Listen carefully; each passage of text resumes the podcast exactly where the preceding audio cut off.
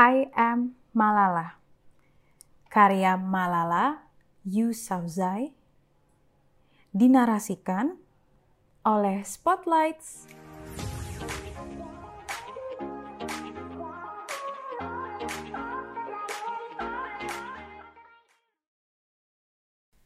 Jenazah dari korban penembakan selalu dilimpahkan pada malam hari, sehingga setiap orang dapat melihatnya pada keesokan paginya. Biasanya ada catatan yang disematkan pada mereka dengan tulisan seperti "Inilah yang terjadi pada agen tentara" atau "Jangan sentuh jenazah ini hingga pukul 11 siang" atau "Kamu yang akan menjadi berikutnya". Mereka pun juga membunuh temanku, Shabana. Menurut ayahnya, sekelompok orang mengetuk pintu rumahnya dan meminta Shabana untuk menari. Shabana lalu pergi untuk mengenakan pakaian tarinya, lalu ketika ia kembali, mereka mengeluarkan senapan mereka. Pada hari-hari yang kelam tersebut, tiba-tiba ayahku menerima telepon dari temannya, Abdul Hai Kakar. Ia adalah seorang wartawan BBC radio yang berbasis di Peshawar, ia sedang mencari guru perempuan atau gadis sekolahan untuk menulis diari tentang kehidupan di bawah Taliban. Ketika aku tidak sengaja mendengar ayahku membicarakan hal ini, aku langsung berkata, "Kenapa bukan aku?" Aku ingin semua orang tahu apa yang terjadi dengan kami, dengan sekolah, dengan anak-anak perempuan. Bagaimanapun juga, pendidikan adalah hak kami, Kemudian Hai Kakar akan menelponku di malam hari ke telepon genggam ibuku. Ia menggunakan telepon istrinya untuk melindungi kami. Seperti yang dia katakan, telepon miliknya disadap oleh dinas intelijen. Ia kemudian menuliskan kata-kataku, dan seminggu sekali tulisan itu terbit di laman BBC Urdu. Hai Kakar memberitahuku bahwa akan berbahaya jika aku menggunakan nama asliku, untuk itu, ia memberiku nama samaran, Gul Makai, artinya bunga jagung. Di hari pertamaku muncul pada 3 Januari 2009. Aku menulis tentang ketakutan untuk pergi ke sekolah karena Taliban. Sungguh mendebarkan sekali melihat kata-kataku berada di situs web. Di sekolah pun, orang-orang mulai membicarakan tentang diari tersebut – Lalu, Diary of Gul Makai ini menerima perhatian yang lebih jauh. BBC bahkan membuat rekamannya menggunakan suara gadis lain. Dan kemudian aku bisa melihat bahwa pena dan kata-kata yang berasal dari gadis itu dapat menjadi lebih berkuasa daripada senapan mesin, daripada tank, bahkan helikopter sekalipun. Kami belajar bagaimana caranya berjuang, dan kami belajar betapa kuatnya kami ketika kami berbicara. Suatu pagi di akhir musim panas, ketika ayahku sedang bersiap untuk pergi ke sekolah, ia sadar bahwa lukisanku yang menatap ke langit telah berganti dalam satu malam. Ia menyukai lukisan itu dan menggantungnya di kasurnya. Melihat lukisan itu miring, itu mengganggu ayahku Tolong tegakkan. Ia meminta kepada ibuku dengan nada yang sangat tinggi. Pada minggu yang sama, guru matematika di sekolahku, Bu Sazia, tiba di sekolah dalam keadaan histeris. Ia memberitahu ayahku bahwa ia telah bermimpi buruk di mana aku datang ke sekolah dengan kakiku yang terbakar parah dan ia berusaha melindungiku. Ia memaksa ayahku untuk memberikan beberapa nasi kepada orang miskin, sebagaimana yang telah kami percaya. kami menertawakan wasiat Bu Sazia pada waktu itu. Namun, beberapa hari berlalu, aku mulai mengalami mimpi buruk juga. Aku tidak menceritakan apa pun ke orang tuaku. Namun, kapan pun aku keluar rumah, aku selalu dirundung ketakutan. Aku selalu takut bahwa Taliban bersenjata akan melompat kepadaku, ke depanku, untuk melemparkan cairan asam ke wajahku sebagaimana mereka melakukannya pada waktu itu kepada wanita-wanita di Afghanistan. Aku sangat ketakutan dalam langkah-langkahku menuju rumahku.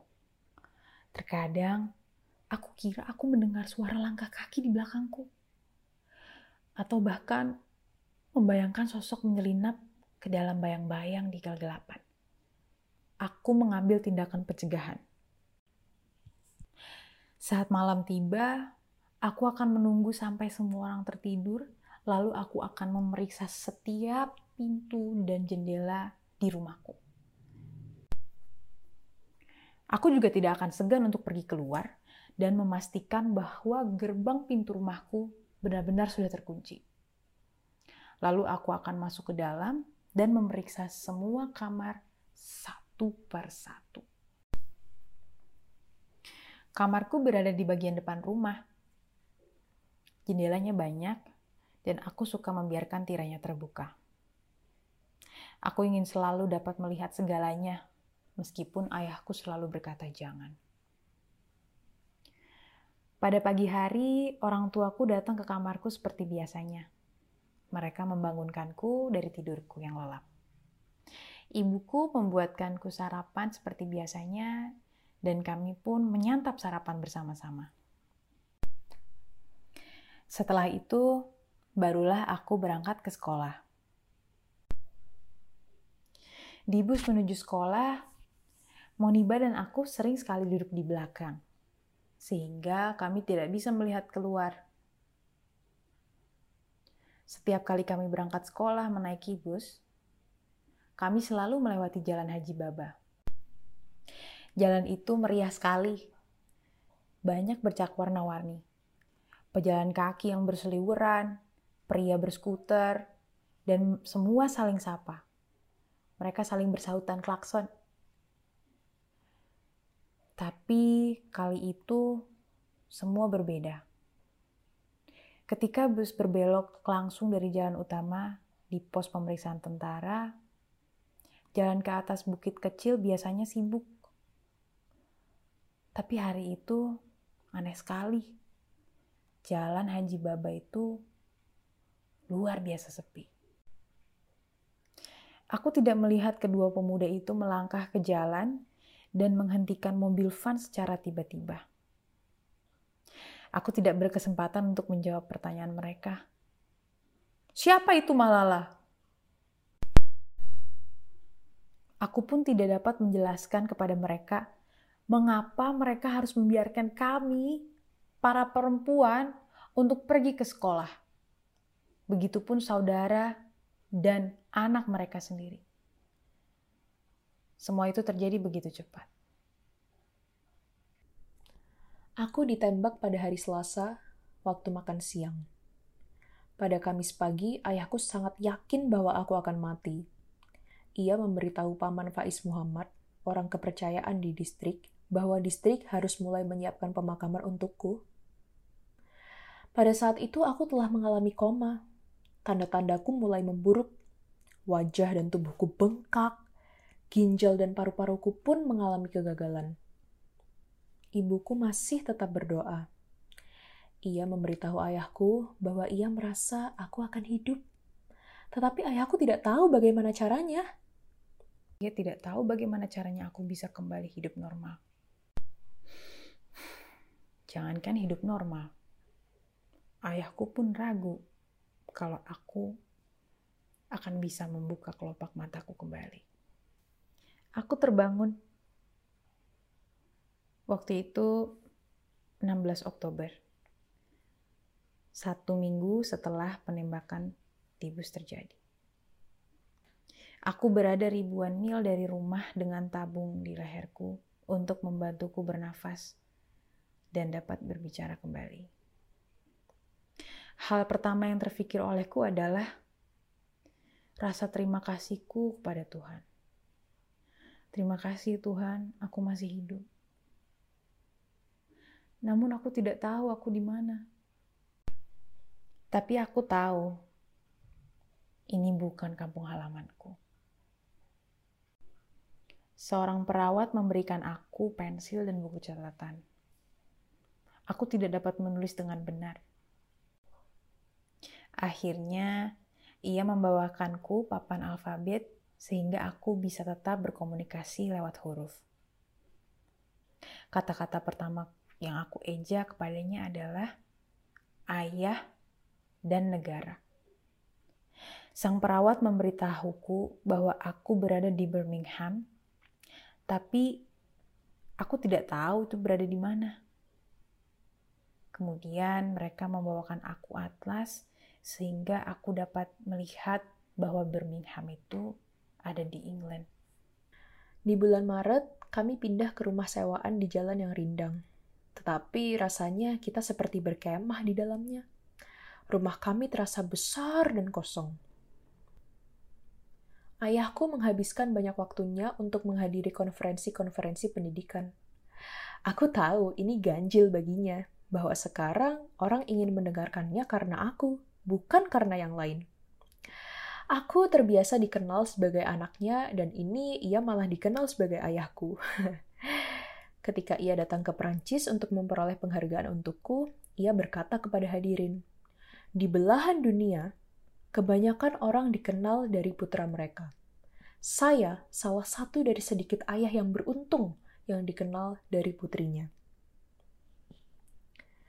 Bulan April telah tiba dan aku sudah cukup sehat untuk mulai bersekolah di Birmingham.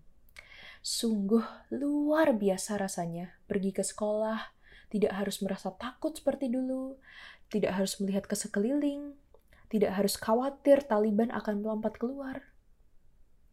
Hari ini, aku melihat diriku di cermin dan berpikir untuk beberapa detik, betapa aku mencintai Tuhanku.